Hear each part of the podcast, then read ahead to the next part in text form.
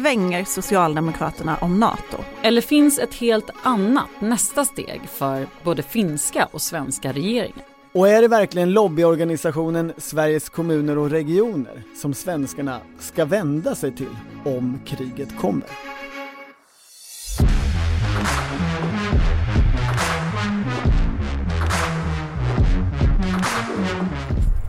Det här är Politiken med Annie Reuterskiöld, Maggie Strömberg och Torbjörn Nilsson.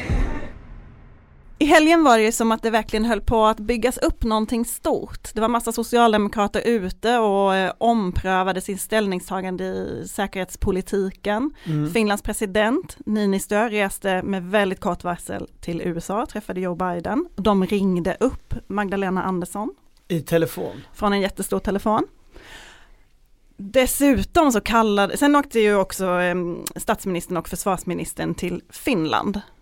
Också med kort varsel. Dit, och sen, dit kan man inte ringa. Så man måste flyga dit. och sen hade Socialdemokraterna extra inkallat mäktigt VU på måndagskvällen. Mm. Och då var det som att allting var liksom uppbyggt för eh, NATO-medlemskap. Det var som att liksom, jag såg hur folk vibrerade av tanken på att nu kommer Sverige gå med.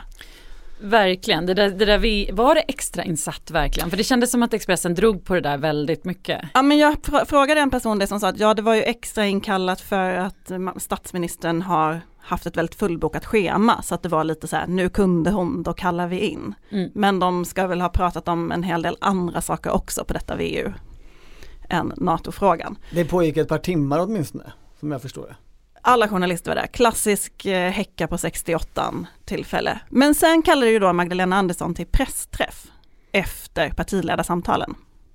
Och dödade alla hoppfulla drömmar om NATO-medlemskap för vissa i det här landet. Ja, för då sa hon ju om eh, Sverige skulle välja att skicka in en NATO-ansökan i det här läget så skulle det eh, ytterligare destabilisera Eh, den här delen av Europa. Alltså öka spänningarna i Europa och Sverige skulle bidra till, eh, till att destabilisera läget ytterligare. Det är ju det de har sagt hela tiden och det är ju någonting de har sagt i Finland också förut. Men eh, vissa nu säger sig, skulle inte säga det nu då för att det är ett nytt läge. Mm, för det kom ju otroligt kraftiga reaktioner på detta. Um, Ulf Kristersson blev ju jättearg men också hela försvarstwitter gick i taket och eh, sa att Magdalena Andersson stänger ju här inte bara dörren för Sverige utan också för Finland. Hon följer Kremls narrativ. Det här eh, ordvalet kanske inte eh, var eh, toppen, men man ska ju komma ihåg att försvars och säkerhetstwitter består av till stor del skulle jag säga uttalade höger eh, eh, vad ska man säga, högermän. NATO-förespråkare. NATO-förespråkare men också högermän. Eh, bara som två exempel, Oskar Jonsson som nu eh, anlitas mycket eh, har varit eh, ordförande för tankesmedjan Fri Värld där också Patrik Oksanen som också är en av de mest citerade eh, är knuten till och det är ju liberal tankesmedja men det, det finns ju hur många eh, Näringsliv, finansierat av stiftelsen Fritt Näringsliv. Och det finns ju hur många exempel som helst. Så att, men jag tycker man ska absolut titta på det här och eh, lyssna på vad folk säger. Men den här enorma upprördheten från försvarstwitter skulle jag säga ska man ta med samma nypa salt som under en partiledardebatt eh, där eh, de olika politiska tjänstemännen twittrar. Nu kommer alla bli jättearga. Men det är, ju, det är ju lite intressant för det är ju som att man i någon mån nu försöker eh, omöjliggöra det här argumentet om, om destabilisering eller vad är bäst för ett, ett stabilt läge. Det är ju ändå ett, ett gammalt argument som du, som du säger. Mm, samtidigt så kan man ju se att i Finland så används ju inte det argumentet längre på samma sätt. Så där är det ju någonting som är förändrat. Mm. Frågan är då ändå varför följer Sverige inte med i den förändringen av att använda andra argument för sin position. För det är ju faktiskt ändå så att flera socialdemokrater har gått ut och sagt att de omprövar. Karin Vangård var i Aftonbladet till exempel, Stockholms socialdemokrat, sitter i partistyrelsen, ganska tung person. Hon eh, pratar inte vikt utan betydelse. Eh, hon sa att det vore oklokt att nu stå emot ett NATO-medlemskap. Eh, vi skickar vapen och utrustning till Ukraina. NATO kommer vara den enda alliansmakt som kommer ha möjlighet att pressa tillbaka Ryssland. Men man bör ha respekt för att det bör råda en försiktighet i frågan. Anders Lindberg på Aftonbladet, ledarskribent, han har ju sagt att han har gått från ett rött ljus till ett gult ljus. Det skulle jag säga är ett ganska betydelsefullt uttalande i det partiet. Han har ju varit en liksom, ägnat mycket, mycket av sitt liv åt säkerhetspolitiken. Ja, verkligen. Eh, så det sker ju ändå ett skifte i Socialdemokraterna Även om Magdalena Andersson väldigt hårt slog igen dörren. Så verkar det ju verkligen och det var ju många anonyma källor också som pratade om det i helgen i olika artiklar.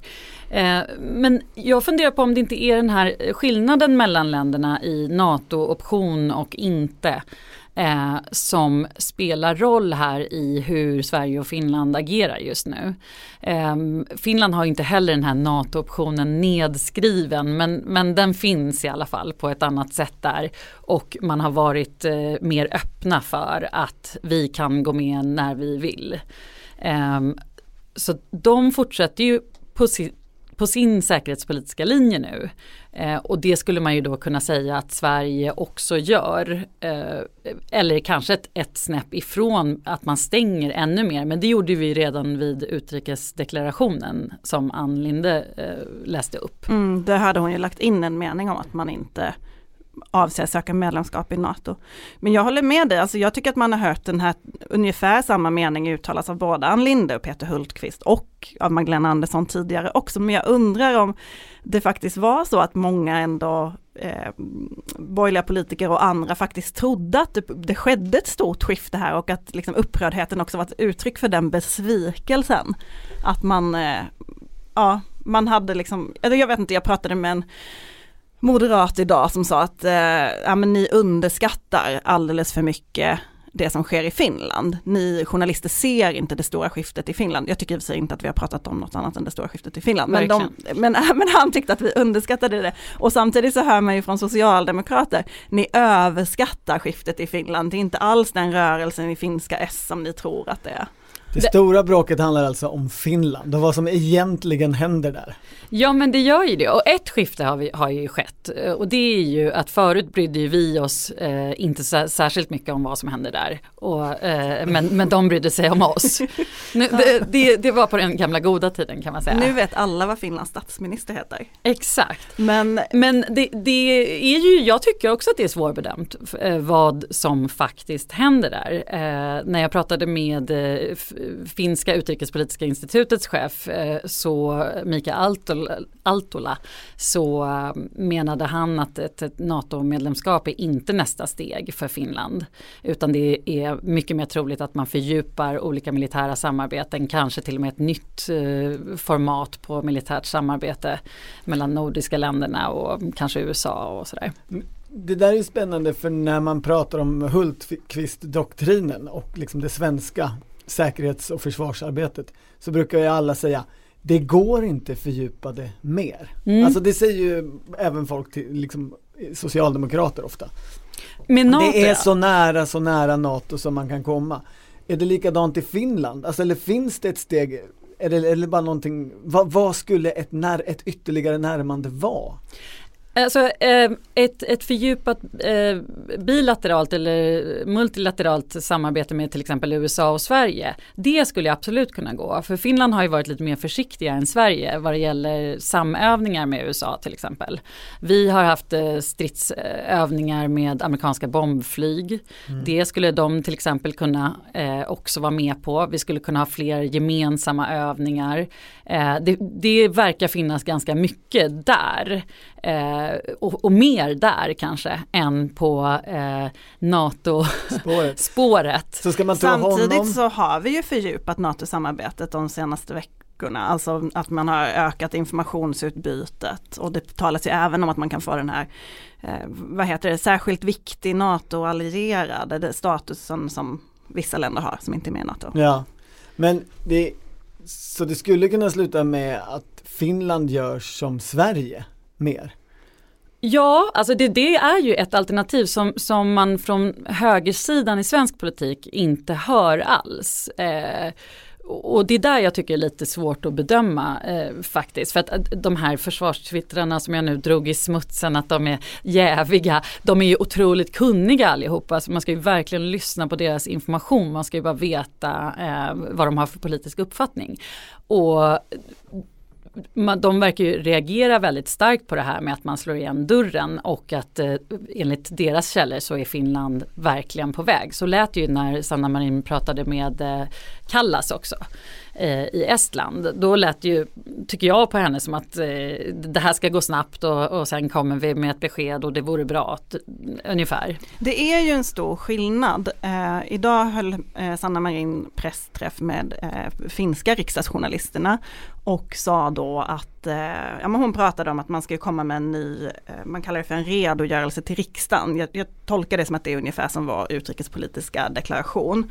Och att man i samband med det ska hålla en debatt. Eh, hon säger att det är viktigt att det inte är regeringen som dikterar allting utan alla partier ska vara med och vi ska försöka skapa konsensus. Eh, hon fick ju också frågan om Magdalena Anderssons uttalande och där hon svarade att, att också säga nej, att säga nej är också ett val som också får konsekvenser. Um, och det, där, det är ju en väldigt stor skillnad på det jämfört med de svenska eh, partiernas samtal om NATO som är mycket mer infekterat. Även om de nu har börjat ha de här partiledarsamtalen, så det man har hört från det partiledarsamtal som var den här veckan, så var det väldigt dålig stämning mellan partiledarna. Eh, Magdalena Andersson påtagligt irriterad över att NATO-frågan lyfts hela tiden, sättet det lyfts på. Så att, eh, ja, jag tror att de borgerliga politikerna, när de pratar om sin Finlandslängtan så handlar det nog också om på vilket sätt man får vara med. Vi har ju pratat eh, om det här eh, förut också i, i, Sverige. Vi gjorde ju en utredning 2000, eller vi, men det gjordes en utredning 2015 till 16.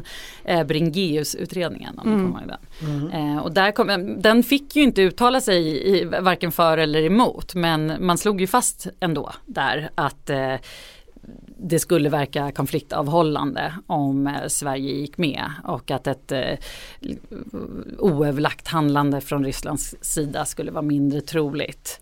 Eh, det, det, var Anna Kinberg Batra som delade det i morse eh, tror jag. Men det, det, där är ju någonting som eh, borgerliga partier gärna tar upp. Att vi har faktiskt utrett det här. Mm, och vi utredde ju det två gånger då ungefär. Alltså efter Krim hade det kommit två utredningar. Ja. Men man skulle ju vilja veta om det är så annorlunda i, bland de finska socialdemokraterna som, som en del vill framställa det som nu. Så vill man ju verkligen veta vad sa eh, Magdalena Andersson och Sanna Marin till varandra när de träffades? Och vad är det för liksom utbyte som pågår mellan de här systerpartierna, de socialdemokratiska i de här två länderna?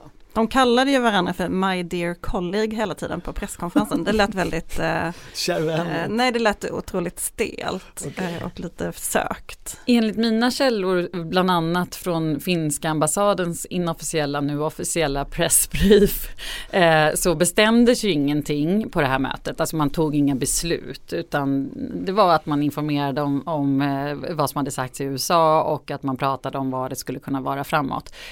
Det finns ju några sådana här otroligt arga nu som säger att eh, Magdalena Anderssons uttalande eh, helt, eh, ja det låter ju nästan som att här, Sverige och Finland nu måste gå skilda vägar, att det här, det här går inte längre. Sådana röster hörs ju i Finland också, eller mm. är det det du menar kanske? Att, att det, de argaste är i Finland? Ja det var ju en, och, en mm. forskare vid Utrikespolitiska institutet där som sa till Huvudstadsbladet tidigare idag att det här implicerar att Sverige kanske inte är redo att stödja Finland om det blir krig.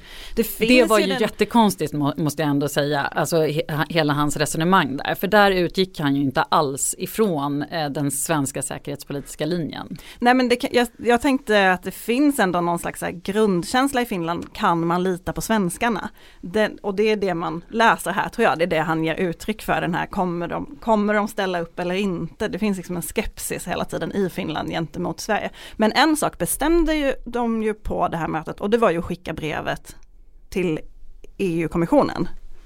Eller hur? Det som Magdalena Andersson presenterade på sin pressträff. Det man ska komma ihåg med säkerhetspolitik ändå eh, är ju att det blir ju mycket känslor nu Men det handlar ju ganska mycket om någonting annat, om egenintresse. Um, jag, jag, tror att det, det, läggs in för mycket av liksom i, i den offentliga debatten om, av besvikelse och känslor och varför gjorde ni inte så här? Den praktiska eh, säkerhetspolitiken utgår väldigt mycket från det praktiska och, och eh, mindre eh, om känslor än andra politikområden skulle jag säga. Det praktiska i det här brevet till, till EU-kommissionen är väl egentligen att, att Sverige påminner om att vi det finns eh, skyldigheter här mellan EU-länderna. Va, va, ja, eller påminner eller liksom försöker vädja om något slags är, stöd. Är det, är det, jag har aldrig hört talas om ett brev där man påminner om olika liksom, överenskommelser man har gjort. Det i sig är väl lite ett svaghetstecken för eh, solidaritetsförklaringen va? Ja men det känns ju så. Alltså om, om det behöver skrivas ett brev för att påminna om en deal vi har gjort så är kanske dealen inte eh, så stark. Frågan är, förväntar man sig något svar här där andra länder då ska gå ut och säga att ja visst gäller detta? Är det är mm. det man vill ha? Ett gemensamt uttalande tror jag från det här mötet nu. Ja. Det är kanske vad man är, vad man är ute efter. Men just det här med EU-försvar är ju annars en, en dröm som man har haft i Finland tidigare. Men när vi skrev om Finland förra veckan, då var ju politiker vi pratade med där, liksom, de trodde inte riktigt på det längre. Nej, och framförallt så använder ju de det som en argumentation för deras förflyttning mot NATO-medlemskap. Alltså, vi har trott i Finland och har gått mycket längre än Sverige in i, i de eh, försvarspolitiska samarbetena på EU-nivå men det kommer aldrig leverera. Det, det är en utopi att, att få till ett vettigt EU-försvar, sa ju de eh, politikerna och därför måste vi söka oss mot NATO. Det spännande är ju att när man pratar med socialdemokrater nu så är de ju i, liksom avvaktande, funderande många eh, och sen så säger de, flera jag pratar med i alla fall, men hur det än är med NATO så visar väl det här att vi verkligen måste satsa mer på EU-försvaret. Jaså? Och pratar om, om liksom EU, eh, den, den, den, denna del av EU-samarbetet som man tidigare eh, helst inte har velat ha med att göra eller hålla sig så långt ifrån som möjligt. Så det skulle ju kunna vara en socialdemokratisk kompromissväg där man så att säga slipper de här beroendena av eh, om Trump blir, blir president igen och slipper hela Erdogan-frågan att Turkiet också med i NATO och kunna hitta ett, ett spår bort från militär alliansfrihet men där vi ändå nästan redan är, är med på något sätt. Mm. Är inte det där också ett sätt att liksom lite få en att rikta blicken bort från NATO-diskussionen och, och titta på annat. Jo, det kan det ju vara. Det kan ju bara vara riktat eh, mot mig för att jag ska få mig att tänka på något helt annat. Ja men för jag tänker att, mm. att eh, det är ju något klurigt med att de flesta av de här länderna redan är med i NATO och hur ska det fungera och, och ja, det, men det är klart Danmark ser, i Danmark ser man väl ett skifte där, där de håller på att ta någon slags, det, det, det gör man ju, i deras syn på, berätta. Ja men de, de har ju haft ett, ett undantag från det här försvarsarbetet och för att eh, sluta ha det här undantaget så, så vill de ju folkomrösta nu för att, för att reda ut att det ska vara möjligt att gå in i, i, i försvarssamarbetet på EU-nivå. Jag tolkar det här brevet dock som att man vill påminna, inte, man vill ju inte att eh, det nu ska bildas ett EU-försvar utan man vill påminna länderna om att eh, alla har en skyldighet enligt solidaritetsförklaringen, eller hur? Ja. Eh, men det kanske, det kanske leder till något djupare sen i tanken på, på hos många. Ja men precis. Okej, det är många spår här men jag skulle ändå vilja få ner det till eh, lite där vi började. Kommer Socialdemokraterna att svänga i NATO-frågan? Annie? På sikt möjligen, men jag tror att man inom partiet också lägger väldigt mycket vikt vid att inte ta ett förhastat beslut. De jag pratar med eh, pratar om liksom, ja, skulle man haft folkomröstning eh, en vecka efter Fukushima eller eh, Tjernobyl så skulle man inte velat ha kärnkraft eh, och då skulle man behöva gå på det be politiska beslut. Det blir liksom inte ett hållbart politiskt system. Um, så att just nu tror jag att man jobbar vidare mot eh, fördjupade eh, militära samarbeten med flera olika länder.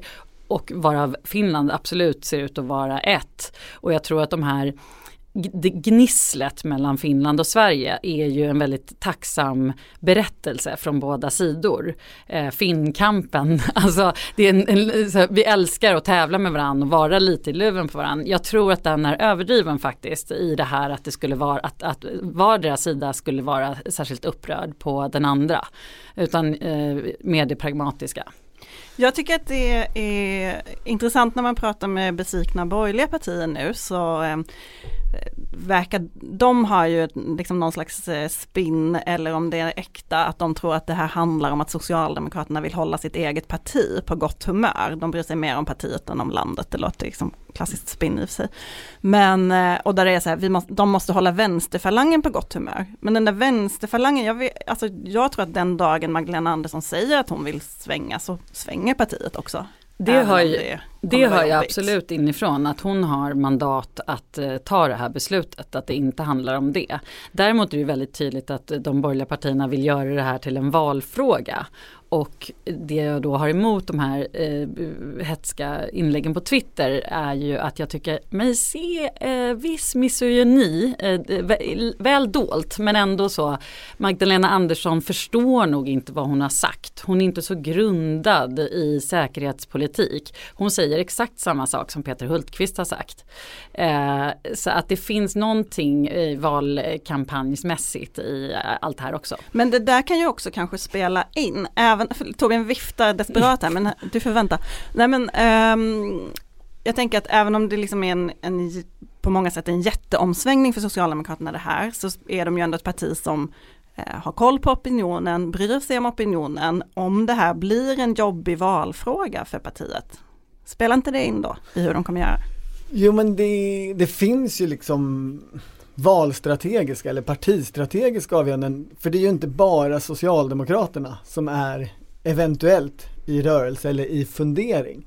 Det är ju också Sverigedemokraterna som ju trots allt är tredje största parti och har kommunicerande kärl med de andra två stora partierna eller har haft bakåt i väljarrörelser. Och frågan är ju egentligen, tänker jag också, hur, hur Sverigedemokraterna ställer sig till den här situationen. Är det gynnsamt för dem att svänga mot, mot ett ja till NATO? Där de historiskt i partiet har ett starkt motstånd. Eh, men bland deras väljare så, så, finns det absolut stöd. Och framförallt för att slippa alla diskussioner kring en, en regeringsbildning eller regeringsunderlag till, till Kristersson. Eller är det smartare att vänta låta Socialdemokraterna kanske då byta position men själva stå kvar för den traditionella svenska nationella linjen liksom folkhemsromantiken upphöjt till två. Vi är de enda som står för riktig alliansfrihet. Det är ju en unik position potentiellt eh, inom några månader eller några år i svensk säkerhetspolitik. Maggie, du har ju pratat med massa sverigedemokrater nu. Vad händer i deras parti? Ja men det verkar bero lite på vilka man pratar med. Men det som hände var ju att eh, utrikespolitiska talespersonen Aron Emilsson var i eh, lördagsintervjun i lördags och där sa att man inte utesluter en omprövning av sitt nej till NATO. Eh, och detta tolkades ju genast som att SD svänger och också som att nu finns det en riksdagsmajoritet för NATO. Så långt har det ju inte riktigt gått och en del av dem jag pratar med tycker att man har överdrivit det här uttalandet. Samtidigt så säger ju partiledningen att man nu eh, håller på med en process där man liksom, ja, ser över vad man kan göra i NATO-frågan och hur, liksom, hur man ska ställa sig. Och i helgen har ju Sverigedemokraterna valkonvent och Jimmy Åkesson sa igår efter partiledarsamtalen eh, att han ser framför sig att detta kommer bli en stor diskussionsfråga där. Men det, där är, det är ju känsligt i partiet. Det har ju varit diskussioner de gånger man har svängt tidigare. Man har ju svängt om NATO-optionen till Då exempel. blev folk sura, eller hur? Delar av partiet har blivit det. Um, många av de som slutade och gick till Alternativ för Sverige blev ju det till exempel. Eh, en del och av reste dem. till Moskva. Och reste till Moskva, exakt. Men, eh, nej men eh, det, det, finns ju, alltså även när jag pratar med, med personer nu som är väldigt lojala med partiledningen så säger de att eh, liksom, det svenska självbestämmandet sitter väldigt djupt i väldigt många medlemmar. Samtidigt som man ser att de som röstar på partiet, väljarna är mycket mer NATO-positiva än vad man kanske är i partiet. Och så frågan är väl så här, hur viktig är den här frågan för partiledningen egentligen? Mm. Ja, alltså det här överstatliga, eh, att man som nationalist är väl inte överförtjust i det överstatliga. Nu har man ju liksom eh, gått med på EU för att man har sett att det faktiskt eh, kan gynna en själv lite Eh, hårdraget. Björn Söder till exempel, tidigare partisekreteraren, tidigare väldigt nära Jimmy, nu lite längre ifrån sägs det ju. Men han har ju tidigare varit en av de som har varit väldigt starkt emot ett NATO-medlemskap. Han skrev på Twitter häromdagen att han nu har liksom omprövat sin syn på detta med anledning av läget. Um, men inte heller han är för ett medlemskap. Det där lyftes upp ganska mycket. Men när man pratar med honom säger han att nej, men det han är för är en utredning. Han tycker att man ska utreda detta på nytt eller att det behöver inledas någon slags process. Men Sverigedemokraterna verkar ju öppna för att den processen ska landa i ett nej. Till skillnad från Ulf Kristersson som vill ha en process som absolut ska landa i ett ja. Mm. Så att ja, det blir intressant att se vad som händer framöver. Vad det blir för typ av diskussion i helgen kring den här frågan. Det är spännande för det är som att det finns en likhet till den socialdemokratiska interndebatten. Det är ganska många som har ändrat sig i meningen är öppna för att fundera och sen så befinner de sig i funderarstadiet och, och, och där är det ganska svårt att få grepp vad betyder funderarstadiet och var kommer det landa? Jag tror också en anledning till varför alla är så arga på Socialdemokraterna nu är djupt mänsklig. Och det här, det här nu går jag till mitt eget psyke, men eh, Socialdemokraterna är ju väldigt bra på att bara sä säga nej och bara nej, vi pratar inte om det här något mer nu. Som, eh, vi ska inte utreda kriminaliseringen av narkotika eh, till exempel. Vi, vi säger bara det, vi, det spelar ingen roll, vi, vi kommer inte utreda det. Det här är ju samma sak, nej, vi ska inte prata om NATO nu. Ni vet ju själva hur förbannad man blir när någon gör så mot en själv. Det är ju, man blir tokig. Alltså, Men sen är det väl också det där med liksom Socialdemokraternas förmåga att stänga dörrar väldigt hårt och öppna dem dagen efter. Det såg vi ju bara med att skicka vapen till Ukraina. Alltså det där är ju, det, det är ju en del av deras parti-DNA och det gör ju väldigt många oerhört frustrerade. Det finns ju saker i den historiska debatten om NATO i Sverige som ju spelar in här på något, på något märkligt vis att det, det, är ju idag som att Moderaterna alltid har varit enormt eh, starka NATO-anhängare. Alltså att Moderaterna skulle ha velat gå med i NATO när NATO bildades 49 och alltid har velat det sedan dess. Men så har ju verkligen inte diskussionen varit. Och Moderaterna var ju ända fram till, till 2003 officiellt eh, emot ett NATO-medlemskap. Och, och, även då togs det ju emot partiledningens vilja. Ja, och det som direkt efter det hände var att de fick en partiledare som sa jag ställer upp de här tre stenhårda kraven för att Sverige ska söka medlemskap och alla inser att de kommer liksom inte uppfyllas så därför kommer det inte hända någonting. Det är ju inte som att Moderaterna i alla tider har pushat NATO-frågan som Ulf Kristersson pushar NATO-frågan nu. Någon som har pushat dock i alla tider är Allan Widman. Folkpartisten, ja. även 1932, så, så, så, eller 49 eller 50 eller You name it. Jag frågade Ulf Kristersson när jag intervjuade honom förra veckan när han själv eh, blev för NATO och han kunde inte svara på den frågan. Han sa så här, nej men jag har ju ägnat mig åt annat, socialpolitik och sådär. Nej, han, han visste inte. När man pratar med moderater om det här idag, moderater som, som verkligen vill NATO eh, och vill komma in i NATO, att Sverige ska gå med så, så försöker de ju prata om att förr i tiden så fick man ju inte diskutera eh, de här frågorna öppet och det har de ju rätt Tittar man bakåt så har ju liksom debatten om NATO varit så grund eller grumlig eller otydlig under jättelång tid. Och det tänker jag bidrar lite till den här chockkänslan som är i debatten nu. Från noll kunskap eller noll eh, kontinuerlig offentlig debatt om NATO till liksom hundra och nu ska någonting hända jättefort och alla är lite liksom i skakande chocktillstånd. Och det skapar ju kanske inte en så intellektuellt fördjupande diskussion om säkerhetspolitiken. Det är också intressant när man jämför Moderaterna på Twitter, även de som liksom eh, jobbar i Ulf Kristerssons stab eller har liksom viktiga tjänstemän eller även riksdagsledamöter, så låter ju de som att eh, vi ska skicka in ansökan idag, här och nu. Eh, sen frågar man Ulf Kristersson, kan du specificera vägen framåt? När ska liksom hur ska det här gå till? Och sen, nej men först måste vi ha en debatt och sen får vi se. Det är ju, det är ju liksom väldigt stor skillnad. Det är des, de desinformerar om sin egen politik på något sätt.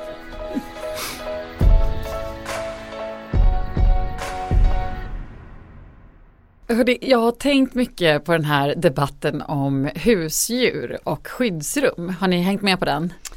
De får inte följa med. Man får inte ta hunden med sig in i källaren. I himlen, nej precis, eller källaren. Och det är ju, eh, alltså det har ju startats eh, egna Facebookgrupper om de här husdjuren och vart de ska få ta vägen och att så här, jag lämnar inte, jag går in med min katt i skyddsrummet och sådär. Eh, det, eh, jag tycker den här eh, mimet med eh, Batman och Robin när så här, Batman typ eh, slår till honom när han försöker säga något. Jag har alltid tyckt att den känns så obehaglig, så våldsam på något sätt. Aha eh, liksom så här glorifierar våld. Men, men nu. Men, nu vill du använda den. Nu vill jag använda den. För att alltså kom inte att snacka om din katt när vi har så här eh, skyddsrum för sju miljoner människor och vi är typ tio. Eh, det, va? Nej, du vill ha det? Nej men jag kan ändå, jag har ju haft katt och så, jag känner många hundar. Nej, men jag skulle kunna tänka mig att man, alltså vissa djur, alltså katt och hund, de kan ju man med sig ge mänskliga egenskaper, men typ hamster tycker jag inte är okej. Nej, men om, uh, men alltså om jag skulle välja mellan hund och människa så väljer jag människa. Det är ändå ganska ja, lätt val. Ja, då väljer jag människa. Då, alltså, och då var det en sån, jag, jag fick liksom eh, nästan traumatiska flashbacks av en kick-off eh, som jag var på eh, för dryga tio år sedan.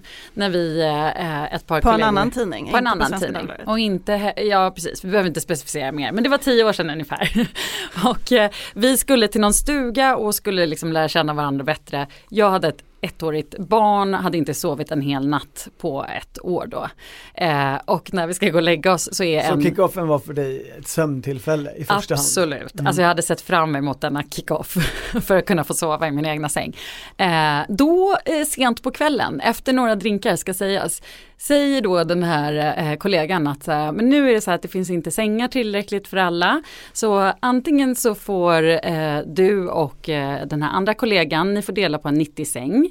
Eh, mysigt. Ja det är mysigt när man inte känner varandra så bra. Eh, eh, eller så tar ni dubbelsängen som finns. Men då måste också min hund sova i dubbelsängen med er. Alltså, och då snackar vi inte en liten chihuahua, nu kommer jag inte ihåg, men den var stor. Den var stor. Eh, den låg också under hela den här middagen och sov på golvet. Men hon hävdade att den kan inte sova på golvet. Eh, ja, som ni hör, det blev inte jättebra stämning och eh, till slut så eh, gick jag och la mig och sa att ni får, ni får göra, för att alla, det blev ju som två team också. Så jag bara, men vadå, du kan väl sova med hunden? Och jag bara, nej absolut inte. Ja, jag gick och la mig i alla fall i en säng också, att de får läsa det Och du själva. vill inte att det här ska upprepas om du behöver söka skydd i ett skyddsrum Exakt. i framtiden? Du kommer slänga Exakt. ut alla hundar. Nej men ja. alltså de är jättegulliga men när vi väljer mellan ja. liksom. Nej men absolut. Um, det, och det är ju ofta en grej i krig det där, folk som reser till krigszon för att hjälpa djuren som ingen annan bryr sig om och mm, sådär. Mm. Uh, det, är ju, det är ju fint men det är, det också, är man kan också fundera. Um, Jag tänker att ni tänker så opraktiskt. Man kan äta den sen. Nej men skulle man ta med ett djur till skyddsrummet skulle det vara en ko. Mm. Ja. Mm. Absolut. Det, det, tycker jag är det, det, självklara och naturliga att eh, hade jag en ko skulle jag absolut ta med mig kon till skyddsrummet. Vet ni, jag har ju eh, som jag berättade förra veckan hängt väldigt mycket på eh, MSBs skyddsrumskarta mm. och eh, kollat in alla skyddsrum. Sen så googlade jag lite på det också, jag har preppat en del ehm, och då läste jag att P1 Kalibers granskning som de gjorde 2018 eh, som visade att var tionde skyddsrum som kontrollerades det året inte liksom skulle gå att ställa i ordning. Och då kontrollerar MSB bara 2000 av sina 65 000 skyddsrum per år. Eh, så att kanske har jag slösat bort tid på den här kartan, kanske ska man gå och bara kolla de här skyddsrummen själv istället och se om de ens finns. Um, Man får ju hoppas att de här miljarderna som nu kommer eh, till viss del hamnar kommer där. Gå. MSB ska höra av sig till regeringen och säga liksom vad de nu behöver för att säkerställa detta. För det här fick vi också veta i veckan då, som Aftonbladet skrev om, gäller ju även de här Hesa Fredrik-tutorna som är inaktiverade på 577. 577 av dem är inaktiverade, så många kommuner har överhuvudtaget inte de här varningssignalerna. Eh, och när MSB får frågor om det så säger de att nej men kommunerna har inte velat ha de här igång och eh, det har inte riktigt varit risk för krig och spänt läge. Alltså, Hese Fredrik är mutad. och då eh, Sluta känner man kanske också så här efter den här krisen vi precis har varit i, att MS, MSB verkar ha ett stort ansvar här. Eh, och mm. det gick ju inte alltid rätt jättebra under pandemin. Nej men det där är faktiskt lite intressant tycker jag, att det verkar finnas väldigt starka spänningar mellan MSB och regeringen. Alltså att de är missnöjda med styrningen från regeringen och tvärtom är man ganska missnöjda med hur MSB har skött saker och ting. Alltså, det där är en intressant konflikt. Men, och väldigt mycket i Sverige, alltså så fort det är kris i Sverige så kommer ju alltid samma kritik när den utreds i efterhand, att ansvarsprincipen skapar problem. Eh, och nu liksom när MSB då får frågor om olika saker, typ skyddsrum, typ Hesa Fredrik-tutorna, så är det så här, ja men det är ju kommunernas ansvar och det är SKR. Och just så här, kombinationen SKR, kommuner, MSB. Sen ska jag lägga till, jag ska lägga till en sak till. Jag googlade också på vad, vad som gäller då, vad, vad som förväntas av oss om eh, det blir krig. Vi har ju totalförsvarsplikt i Sverige så att eh, vi har ju alla skyldighet att tjänstgöra vid höjd beredskap om man fattar beslut om det. Eh, och då kan man då bli placerad liksom där det passar. Och den som placerar oss, det är Arbetsförmedlingen. Som eh, genomgår en ganska genomgripande omorganisation just nu. Ja, som så det, knappt finns kvar. Så det är MSB och Arbetsförmedlingen och SKR som vi nu ska hålla i handen framöver. Jag drar med eh, ner till skyddsrummet med katten. Här, det, det känns som det finns ett, ett, ett eh, organisatoriskt utredningsarbete att göra i, i de här sakerna. Nej men och en annan sak som jag fick tips om för många år sedan som jag faktiskt har kollat upp att det fortfarande stämmer. Det är ju att de som är krigsplacerade, att det inte finns något central eh, register över dem. Så man vet inte, man har ingen överblickbart system för vad man kan då. Eh, eh så att man kan utnyttja det. Så att någon IT-tekniker blir liksom eh, kock någonstans istället för att man Rest, utnyttjar. Det är respektive kommun då som har hand om även detta eller region. Ja. Eller respektive myndighet. Det verkar helt enkelt inte. Som vanligt så slutar väl allt i, i SKR som ju absolut inte är någon myndighet men får liksom jobbet att, att utföra myndighetsuppdrag. Ja men också som typ aldrig stått till svars för något, du kan inte begära ut något, du kan inte rösta på dem, du kan inte avsätta någon. Om kriget kommer, sök dig till SKR.